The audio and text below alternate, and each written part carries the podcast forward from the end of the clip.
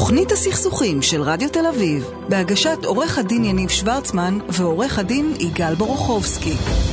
ערב טוב, תוכנית הסכסוכים, אני יניב שוורצמן. אה, יגאל בורוכובסקי, ערב טוב, מה נשמע? שלום יניב, מה שלומך? בסדר גמור. עייף קצת, מה שלום... אה, סליחה, עניתי על מה שלום... אה, שאלתי מה שלומך ועניתי על, על עצמי. יש כן, יותר אני- פולני מדי, בסדר גמור. כן. אז מה שלומך? עייף קצת. עייף ממה? כן. אבל עייף- מעבודה טובה. כ- אה, כן, היום לא כל כך הצליח לי באיזה גישור, אז אני אה, סיימתי מבואס, אני אה, אני- מצפה ש... אה, יש גישורים שלא מצליחים, יגאל? זה בינתיים, בינתיים, אני לא התייאשתי, אבל אני מצפה. שתעודד אותי היום במהלך השעה בוודאי, אנחנו, גם ניתן טיפים בסוף, שאולי אתה תיתן טיפים לעצמך שיעזרו בסכסוך. תשמע, אנחנו בפינתנו משהו גדול וטוב, ואני אה, נתקלתי ב, בעמותה שנקראת מאלי, זה מרעיון למיזם חברתי, בסדר? זו עמותה... אה, אני לא מכיר כזאת בארץ, אנחנו כל פעם, אתה יודע, אנחנו כל שבוע, אני אומר, אני לא מכיר, מגלים עולם. מגלים עולם, ואיך, אה, אה, אבל אני, אה, זה בעצם חממה לסטארט-אפים חברתיים, אה, הם, הם בעצם נותנים ליזמים חברתיים. כשאתה רוצה להיות יזם הייטק, זה נורא פשוט, תכף נדבר בפינה הבאה, זה כאילו פשוט באופן כלכלי, יש לך רעיון מסחרי. יש אה, אקו סיסטם שלם שתומך בך, מי משקיע, מי מגדל אותך, מי הורג אותך, ככה. כי יש, כולם יודעים מה התפקיד של כי מה של יש? מי. יש כסף. ושאתה יודע, כולם רוצים אולי להיות חלק מהחלום הזה, אבל כשאתה רוצה לעשות משהו טוב לעולם, אז בדרך כלל לא רק שאתה לא מייצר כסף, אלא אתה... צריך אה, להיות השומר, להיות המנכ"ל, להיות אה, המנקה הם, ולהיות אז אני סתם. אקריא לך אה, פה בכמה משפטים, ואז אנחנו ככה גם נציג איזושהי דוגמה לאיזשהו פרויקט שמקדמים. אז האצת והזנקת מימוש מיזמים, בניית תוכניות עבודה שנתית, ליווי שוטף של מנטורים, קורסים מקצועיים, תשתית חוקית של עמותה, תוכנות וכלים, הם נותנים ליזמים שרוצים, יזמים חברתיים. מי ששומע אותנו בבית ואומר, תשמע, יש לי חלום, אני רוצה לעזור לקבוצה מסוימת, זה יכול להיות קשישים, זה יכול להיות אה, אה, אה, זוגות צעירים, זה יכול להיות חרדים, זה לא משנה מה. איכות סביבה, איכות סביבה, הנה אה, עכשיו כן. אנחנו, הנה, אז אני רוצה להגיד ערב טוב למרגריטה פרדקין, אה, שהיא רכזת של מיזם המלאכים. מה שלומך מרגריטה? שלום, ערב טוב, בסדר גמור, מה שלומכם? נהדר. אז בואי תספרי לנו מה, מה המיזם הזה עושה. הלו? בואי, בואי תספרי לנו רגע מה המיזם הזה עושה. בואי תספרי לנו קצת על המיזם, מיזם אה, המלאכים. בשמחה. המיזם הוא מיזם שהוא של עמותת מאלי, כמו שהצגתם אותה, באמת אה, עמותה נפלאה למען... אה, היא עוזרת בעצם להגשים מיזמים למען החברה והסביבה, ומיזם המלאכים זה אחד מהמיזמים של העמותה. אז המיזם הוא מופעל על ידי אה, מתנדבים ומתנדבות, והוא מקדם מחזור לטובה ושימוש חוזר בחפצים אלקטרוניים לטובת החברה והסביבה. אני אסביר קצת מה זה אומר. אה, בעצם יש לנו פעילות חודשית בכל שישי האחרון של החודש, בין 10 ל-1 בכמה מקומות בארץ. יש לנו אה, עמדה בחיפה, תל אביב, מודיעין וירושלים, יש לנו שתי עמדות. אנשים מגיעים פשוט עם מכלי פיקדון שהם אספו בבית ככה כל החודש, אספו מהעבודה, מחברים וכדומה, ומכשירים אלקטרוניים ישנים, לפטופ שהתקלקל, טלפון ישן, כל דבר כזה. מגיעים למתנדבים שלנו בעמדות, ו...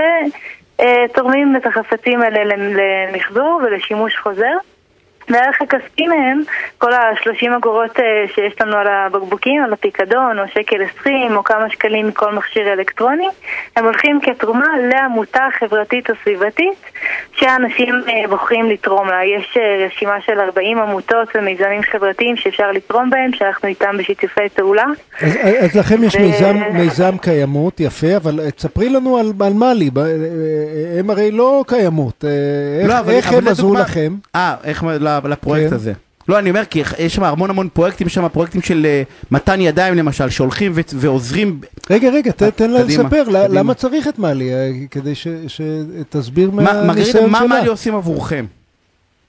אה, מאלי זה בעצם העמותה שמיזם המלאכים הוא אחד מהמיזמים שלה. המייסד של עמותת מאלי הוא זה שבעצם חשב על הרעיון הזה של מיזם המלאכים, שאנשים גם ממחזרים, גם עושים שימוש חוזר בחפצים ככה, וגם תורמים ממש כסף, ערך כספי מאותם החפצים, לעמותות השונות, עמותות חברתיות למען אה, עזרה לילדים, לבעלי חיים, המון עמותות, אה, עמותות סביבתיות.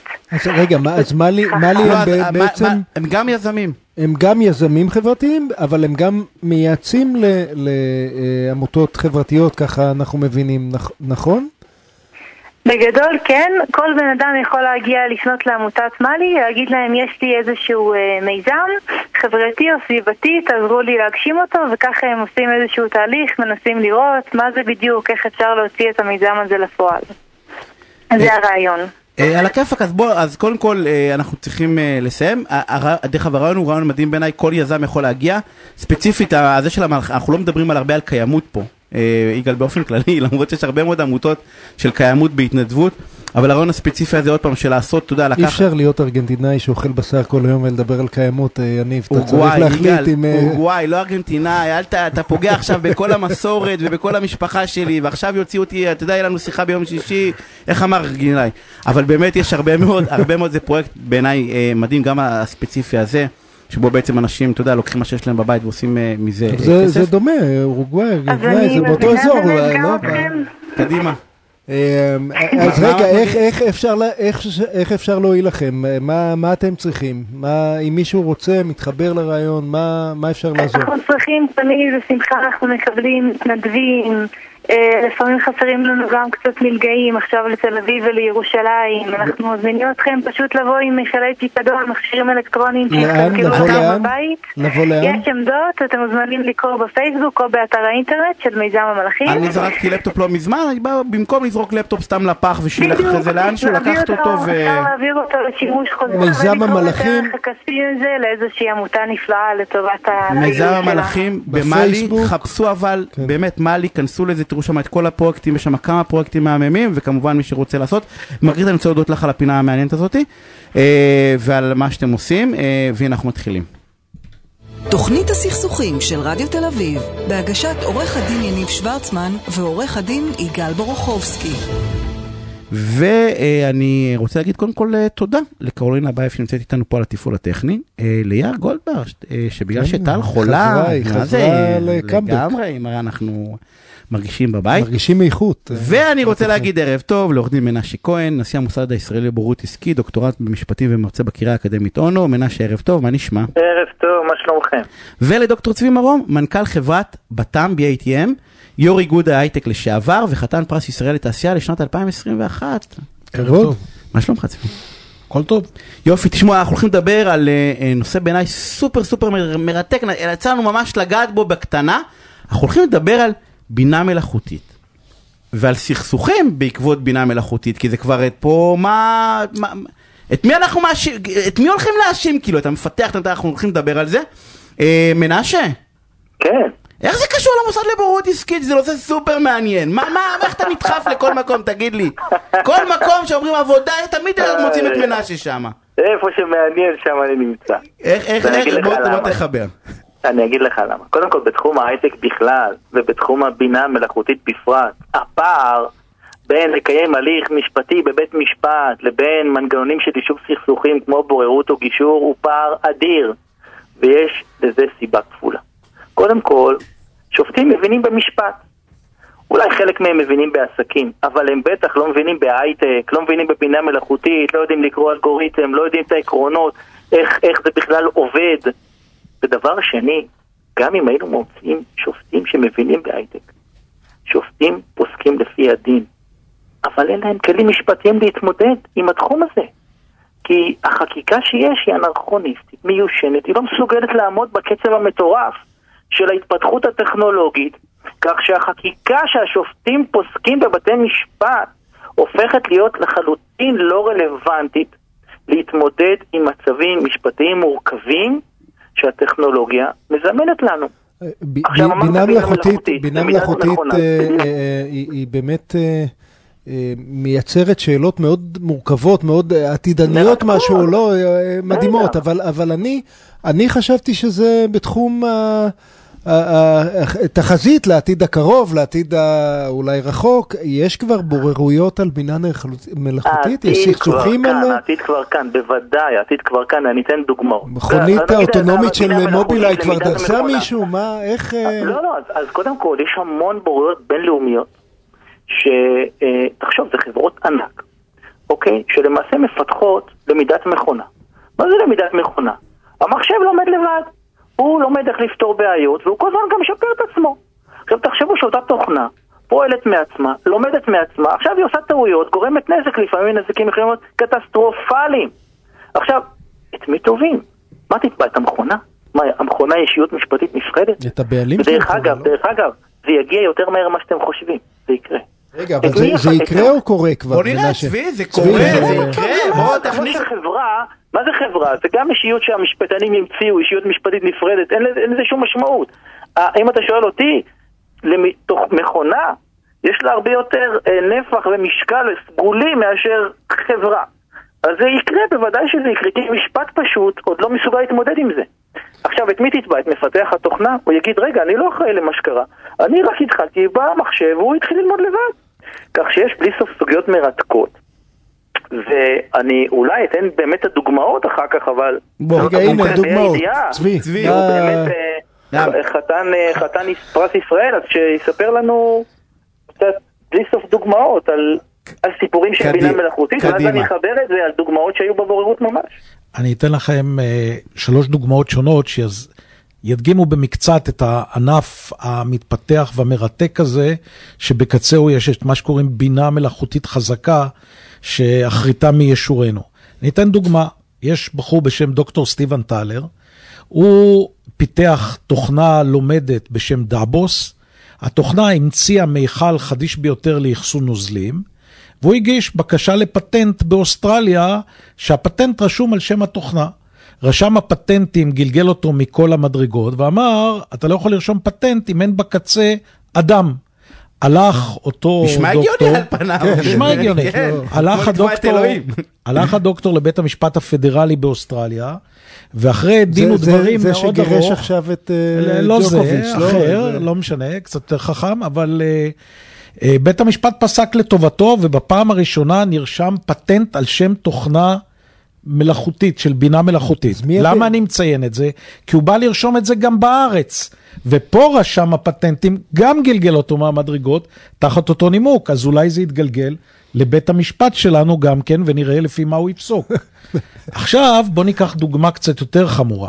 אם אותה תוכנה לא הייתה מפתחת מיכל למשקאות, אלא הייתה מפתחת, כמו שגוגל עשתה אך לפני פחות משנה, סוג של חלבון חדש לחלוטין, שיכול לשמש כתרופה, או לחליפין סוג של וירוס, כי אתם יודעים, מהנדסים גם וירוסים, ואז היה קורה אסון, לדוגמה. או שהתרופה הייתה גורמת לאסון, או שווירוס היה רגע, אבל מתפשט. מי- מי הבעלים של התוכנה? או, זאת שאלה רצינית מאוד. לא רק מי הבעלים, מי הוא הבן אדם שעשה monitoring לאורך פיתוח התוכנה, ומה הכללים שחלים עליו.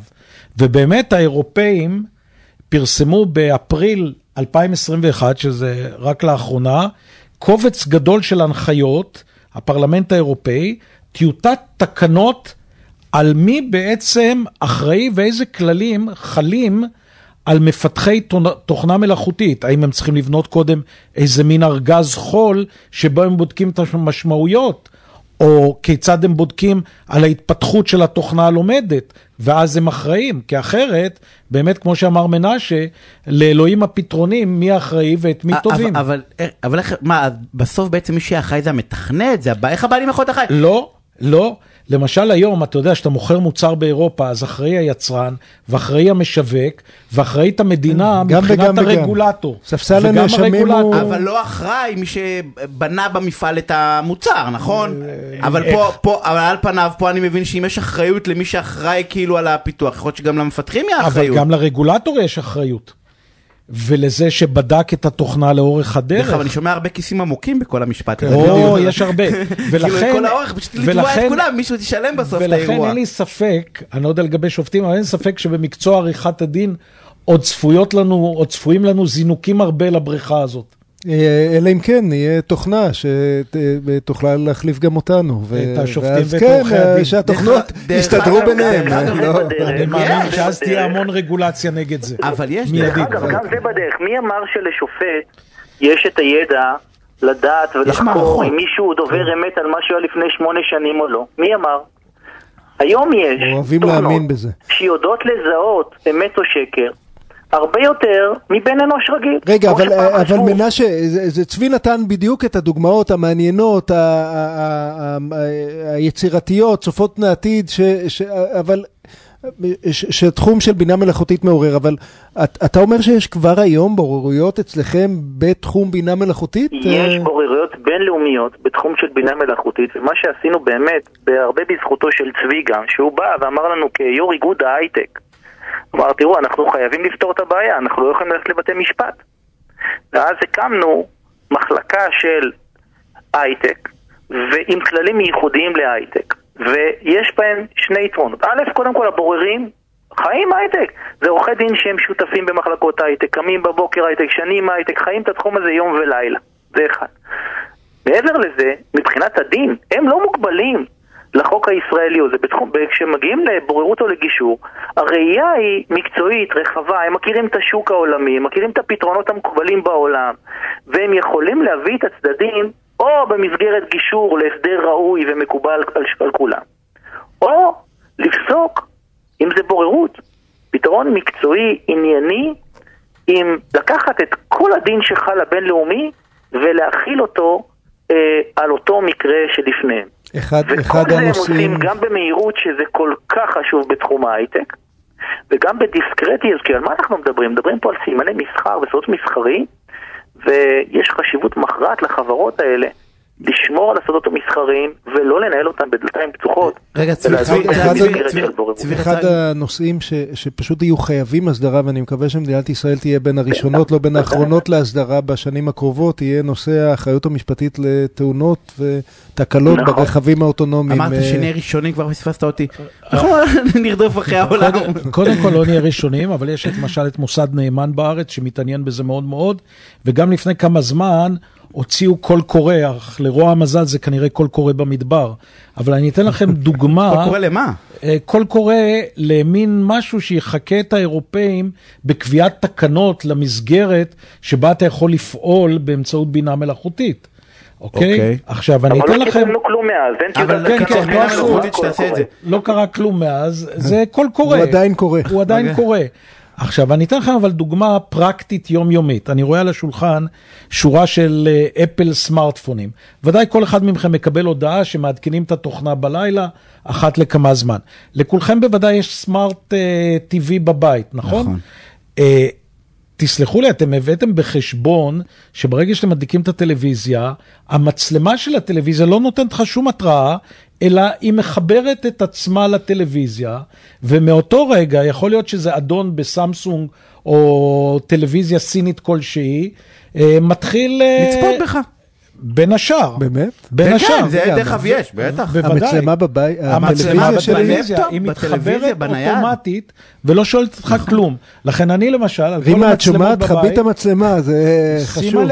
שים עליה חתיכת פלסטר קטן, זה כי אחד אחרת, אם יום אחד אתה תעניין את הסינים, אתה תראה צילומי תקריב של אה, כל כל מיני מיני דברים חלקים. מעניינים. זה לא אה, רחמים על. הציבור, לא. רחמים על הם הציבור. לא סובלים מספיק. הציבור יעצבן את הסינים, אז הוא יראה... שופטים לא עלינו עלולים לה- להיקלע הם לא לסיטואציה. לא.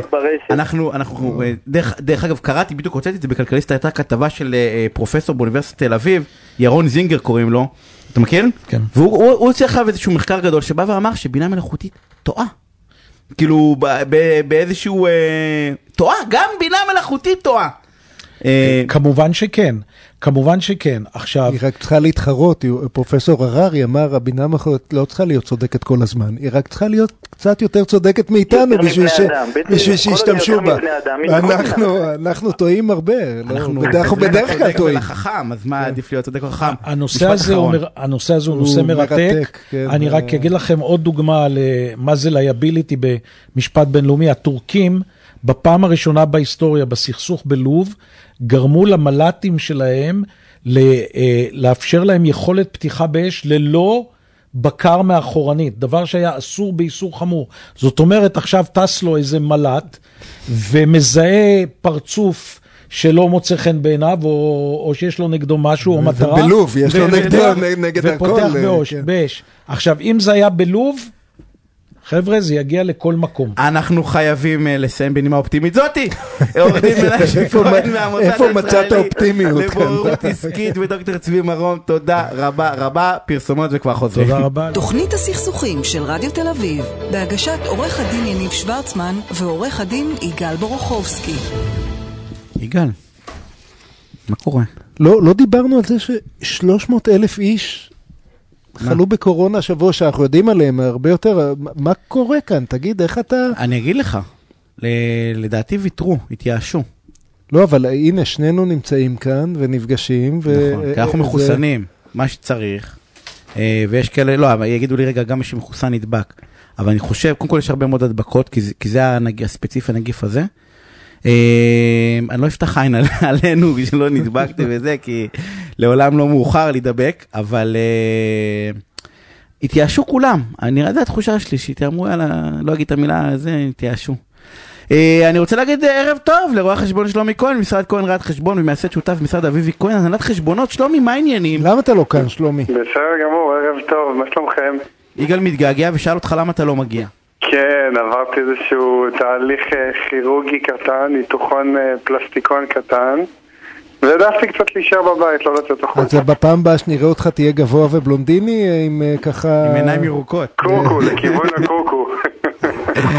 רמז, רמז, תשמע, אנחנו הולכים לדבר, אה, האמת היא מה. קורה כשזה לא מצליח? רגע, כל האנשים בחדר חושבים שהם לא חולי קורונה? אה, התחילו את היום לא חולה קורונה, נראה איך נסיים. פותח עלינו עיניים, שלומי, תורידו אותו משידור. כן, להת- להתעטש לכיוון של שלומי. לא. אה, אנחנו לא נהיה חולי קורונה, שלומי, אנחנו התחסנו כמו שצריך, אה, ואנחנו לא נהיה חולי קורונה. אה, אנחנו הולכים לדבר על מה קורה שה... שפחות הולך. אה, בדרך כלל זה שלב רגע לפני שזה מגיע ל... אלינו, יגאל. מה, אה, שעסק נסגר. אה, יש כל מיני סיבות לסגירה, דרך אגב, רובן רעות. אה, מה, איך, איך עושים את זה נכון, שלומי? כן, אז אמ, קודם כל חשוב, אה, חשוב לזכור שכשאתה סוגר עסק, גם אם זה מבחירה וגם אם זה נכפה עליך, יש איזושהי חרדה באוויר. כלומר, אתה, אתה קצת מפחד שרגע אחרי שתסגור את העסק, אתה תמצא את עצמך באיזשהו ברוך כלכלי שלא חשבת עליו מראש. ואז בשביל זה אנחנו פה עכשיו באים לפתור את הבעיה הזאת. באים באמת לחשוב רגע צעד אחד לפני שאני סוגר את העסק, על מה אני אמור לחשוב ולשים דגש כדי להבין מה הולך להיות איתי הלאה. אז איך. אז איך, כן, קדימה, כן, הקדמה, הקדמה זה טוב. אז uh, הדבר הכי חשוב שאנחנו צריכים להבין, קודם כל, זה ברגע שאני סוגר את העסק, עם איזה רווח אני סוגר אותו. כלומר, האם אני שילמתי נכון עבור מס הכנסה וביטוח לאומי. כדי, אתה יודע, לא לסגור את העסק היום, ואז עוד נגיד חצי שנה, שנה, לבוא לרואה חשבון ביום שהוא מגיש את, את אותו הדוח, ולגלות שפתאום צריך להוסיף הרבה מאוד כסף. רגע, אבל אני- אם סגרתי, מה אכפת לי? אה, שיישאר חובות לרשויות המס, שיפרקו את החברה, מה- למה זה ענייני? פרקו אותך, מה זה פרקו את החברה? כן, תן לשלומי להסביר. כן. אתה, אתה ודאי יודע את זה, יגאל, כשאתה עושה פירוק מרצון, אז מס הכנסה מבקש ממך להגיש דוח אחרון, ומבקש ממך לשלם את המס עבור אותו הדוח, ולהחזיר את הכסף לחברה או לחלק דיבידנדים, אתה חייב את הכסף לחברה, ורק לאחר מכן מאשרים את הפירוק. אז זה- תהליך אה, לא, שנורא רגע, שבך אוקיי, אז נניח-. אז נניח לא פירוק מרצון, אלא חברה סתם, אה, יש לה המון נושים? אה, המון נושים, ש- שיעשו מה שהם רוצים, מה... אומר יגאל, מה אכפת לי להישאר עם חוב כאילו?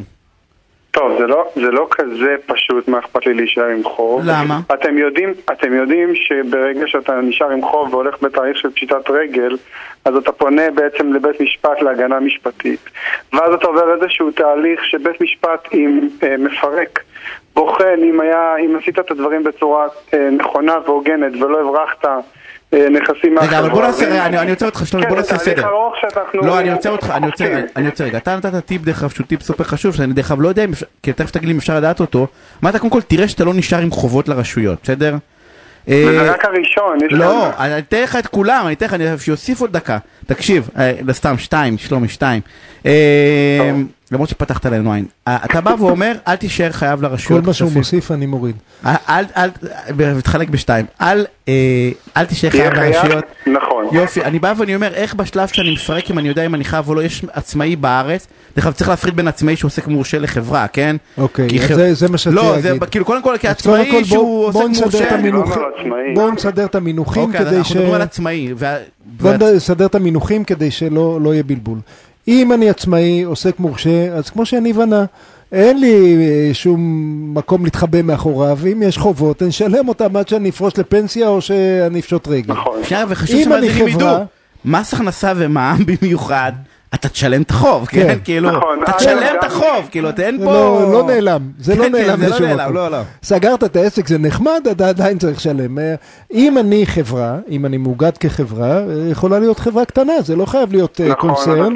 מוגן. אז, אז יש לי לפחות אפשרות לנסות ולבחור, אבל גם אז זה לא פשוט, זה מה ששלומי הסביר קודם. נכון. מכיוון שאם אה, אני, אם אני אה, חברת, אה, שהתנהלתי כאילו זה הכיס שלי, אז אה, מדי פעם משכתי, מדי פעם אכלתי, יבוא מפרק, יגיד, רגע, אתה חייב לכל מיני אנשים, אה, אתה לא עשית את ההפרדה בינך לבין החברה, אז גם אני, כשיש לך חובות, זה שוב יהיה הכיס שלך.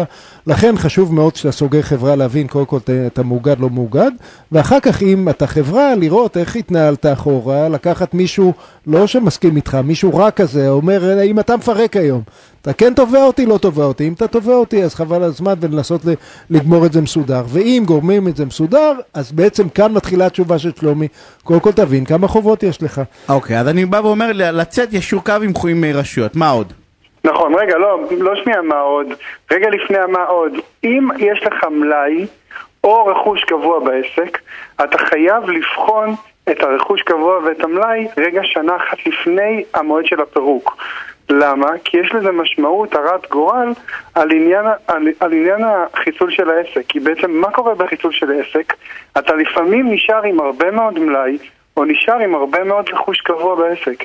אם אתה נשאר עם רכוש קבוע מעל 70 אלף שקל שווי בעסק, מע"מ יבקש על זה כסף כאילו מכרת את זה לעצמך, גם אם לא מכרת את זה. זה, זה מטורף, אני... אני לא היה לי- הבנתי, לא הבנתי, הנה, מה זאת הנה, אני אומרת? מסביר לך, היה לך... כאילו אם יהיה לי נניח, אני מוכר נניח מגבות, אז אני יהיה לי כאילו מגבות בבית לא, לא, בסחורות. אה, אה, אני מסביר לך, היה לי גישור, הבן אדם, היה לו רשת חנויות. ברשת נשאר סטוקים ב- במרתף מתחת הבית של סבא שלו. אה, אה, הסטוקים האלה, שלומי אומר, מבחינת מע"מ הוא מכר אותם לעצמו, כן, הוא קודם היה עסק, עכשיו הוא לא עסק. עכשיו תביא לי גם, גם, זהו. גם לא, גם אני נשאר עם הסטוק וגם משלם סגרת, את תביא השוק. בונוס, כאילו מכרת את הכל. נכון. גאונים. עכשיו רגע, אני שם. במאמר מוסגר, אני שם רגע במאמר מוסגר, שיש עסקים, אנחנו לא מכירים כאלה, אבל יש עסקים שהספירות מלאי שלהם לא תמיד מדויקות, וזה כל מיני פולישטיקים כאלה ואחרים, ואז מוצאים את עצמם במועד של הסגירה של העסק, פתאום עם מלאי שלילי. פתאום הם באים ומדווחים בדוח האחרון כדי לבוא ולהסביר כאילו מאיפה רווח או איך יש כסף בחשבון בנק, פתאום המלאי הופך להיות שלילי, וזה משהו סתם כי שהוא הם לא לא ריאלי. ספרו בצורה אתה בצורה מבין- אתה מבין מדויקת את לאורך הטיפ אבל- השנים. את הטיפ הסמוי? הטיפ הסמוי הוא שתהיו ישרים. תהיו ישרים. תהיו לא. תהיו ישרים, כי אחרי רגע, זה ת- אתה אתה- אתה- אני לקחתי את זה למקום של ברדק, אני מבין שאתה לקחת שלב... אה, כן, אוקיי. אני נזהר. מה עוד? עכשיו, עכשיו, רגע לפני סגירת העסק, חשוב אני לא רואה, שנייה שלומי, אני, אה, יניב תסביר את מה שאמרת, כי לא כולם מבינים. מה, להיות אני לא ישר? שמעתי מה הוא כן, אמר. לא, אה, מה- אני- מה שיניב אמר, איך- איך מצטבר מלאי שלילי, כשמכרת מלאי, איך מצטבר לא מלאי רשמת שלילי? את זה בקופה, לא רשמת בקופה, אז בתיאוריה זה מלאי. מי שצריך להבין, הבין, בסדר? אם אתם לא ישרים זה בסדר, רק תדעו לכם, אני דרך אגב לא מחנך, כן, אין לי בעיה עם חוסר יושר. אני רק אומר, זה לבריאות, אני רק אומר, זה רגע אבל... לפני הפינה על גנדי או רגע אחריה? מה? לא, אני לא?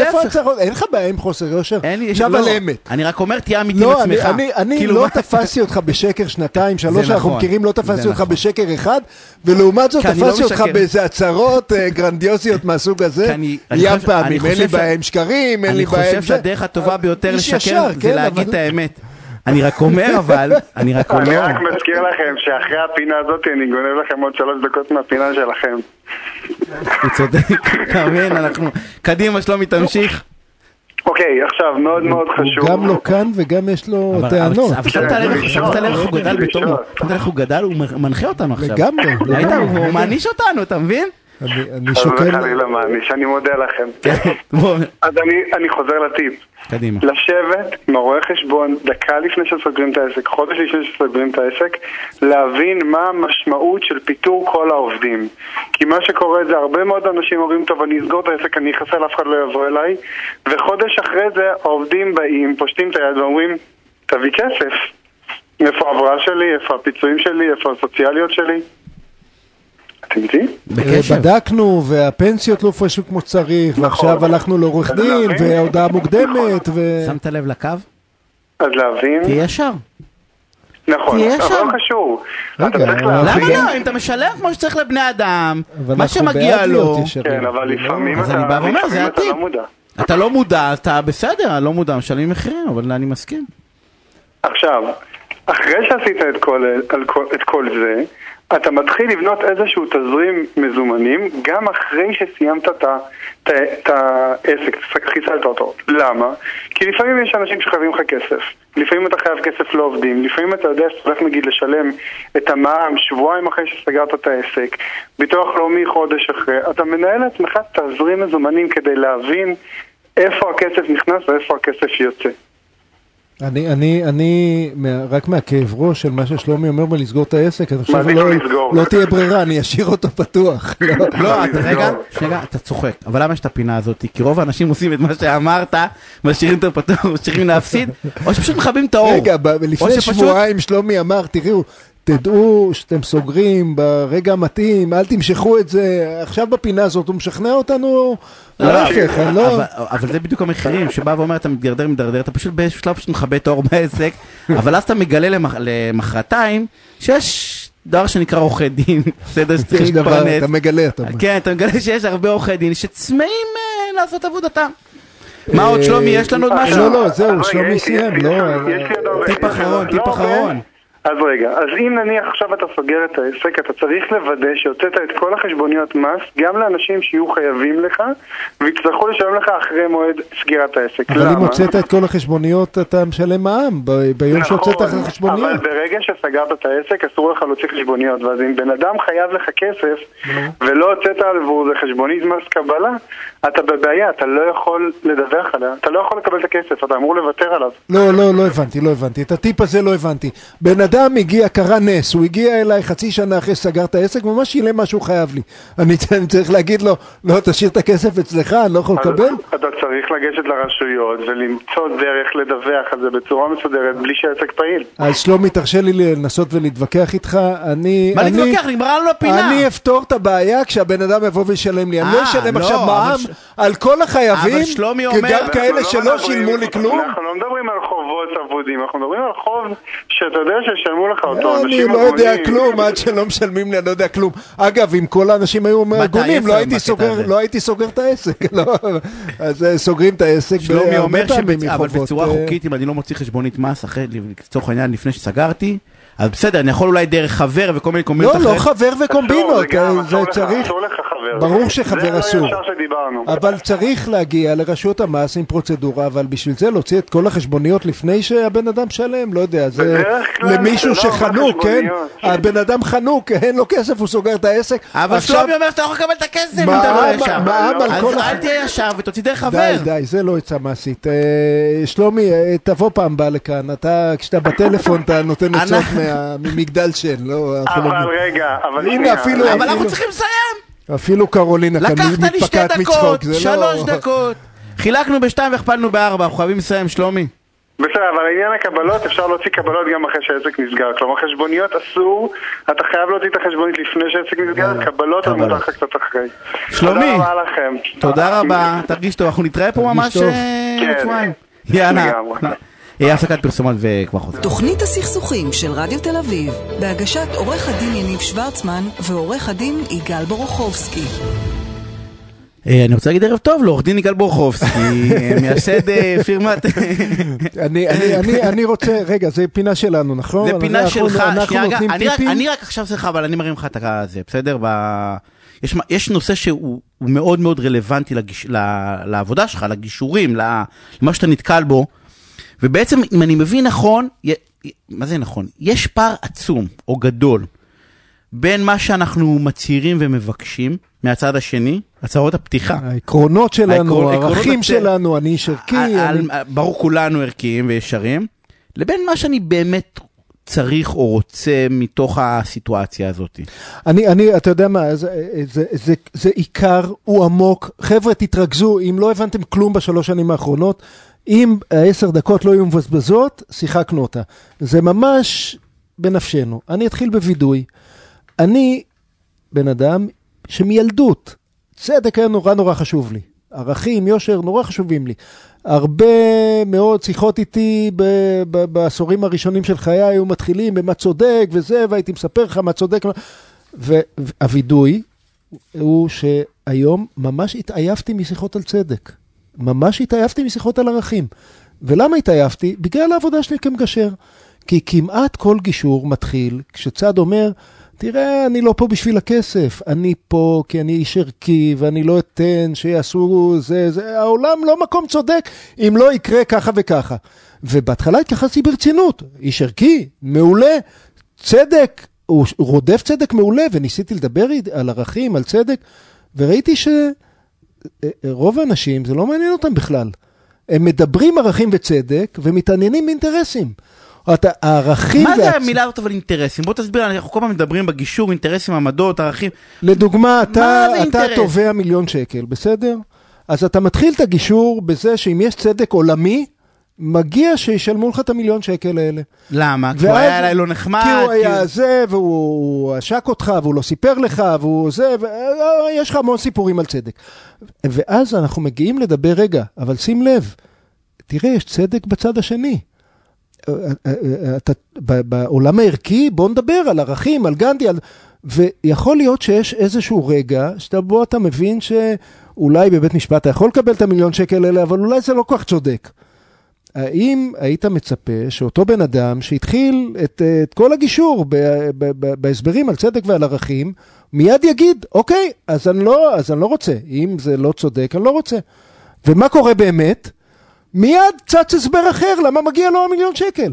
עוד, הבנתי, מגישור לגישור הבנתי, שאנשים מדברים על צדק, אבל מתכוונים למה באמת הם רוצים, מה משרת אותם. הצדק, הערכים, הם כל כך הרבה פעמים הם עטיפה. הם כלי. הם עטיפה. הם כלי לקבל את מה שאני רוצה, עטיפה למה שאני כאילו? רוצה. עכשיו, אוקיי. זה לא שאני אומר שאנשים הם שקרנים ולא ערכיים ועושים הצגות, לא. הם עושים הצגות, אבל לעצמם. הם משכנעים את עצמם. אני איש ערכי, עובדה, אני נלחם, אבל אף פעם איש ערכי לא בא ונאם לי, תראה, אני איש ערכי, ובגלל זה מגיע לצד השני, הוא צודק, הוא צריך לקבל. כי אני איש ערכי, אז מגיע לו. ואני רוצה להתחיל... אמרת אף פעם לא קרה, אבל כן אני, קרה. אני רוצה להתחיל עם סיפור שקרה לי בשבוע שעבר ושם אותי בשוק, בשוק, באמת. יושבים שני אנשי עסקים גדולים מאוד אה, מתחום הבנייה, גם תחום קשוח. אה, כל אחד מוכר במאות מיליונים, אנשי עסקים מאוד רציניים, הם בסכסוך כבר שנים.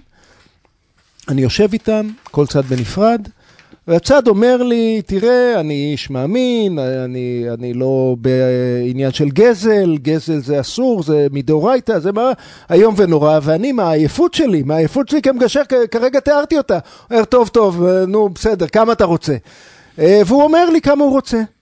ואני רק בשביל שאני לא מצליח להתאפק, אה, אני אומר לו, רגע, ואם אני אצטרך לקבל יותר, אז, אה, אז, אז, אז תגידי לי לא, כי גזל וכולי. והוא אומר לי, כן, מה פתאום, אני לא אקח יותר ממה שמגיע לי, ואני, אני, מבחינתי זה היה. שוק, סוג של חוש הומור.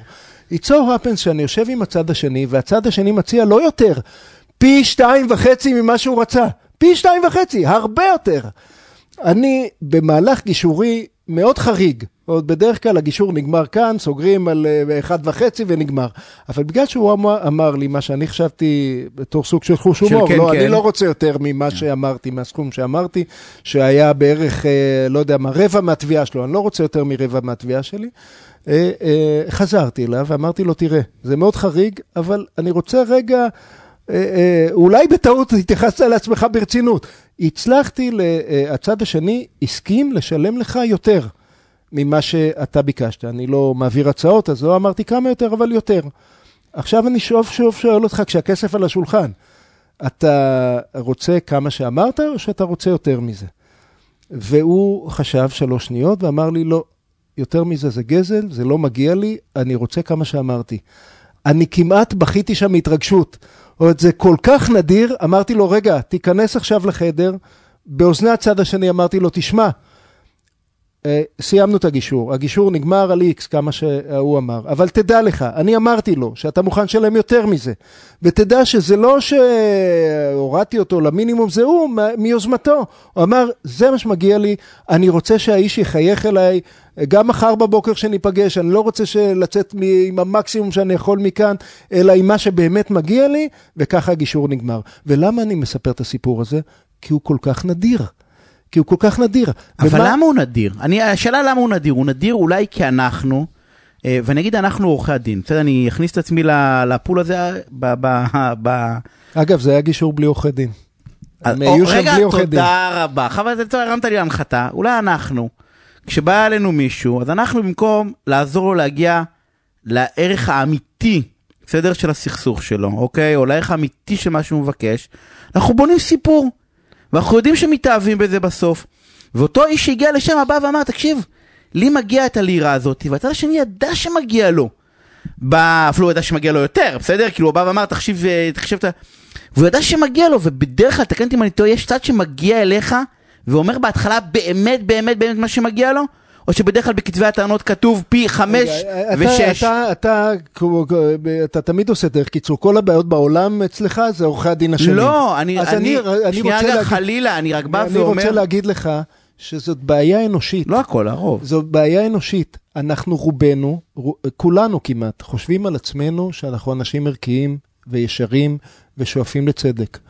מהניסיון שלי יש מעט מאוד אנשים שאומרים, אני שקרן, נוכל ורשע, ואני רוצה כמה שיותר, מה אכפת לי? אני, אני רוצה כמה שיותר, אל תחנך אותי כאן.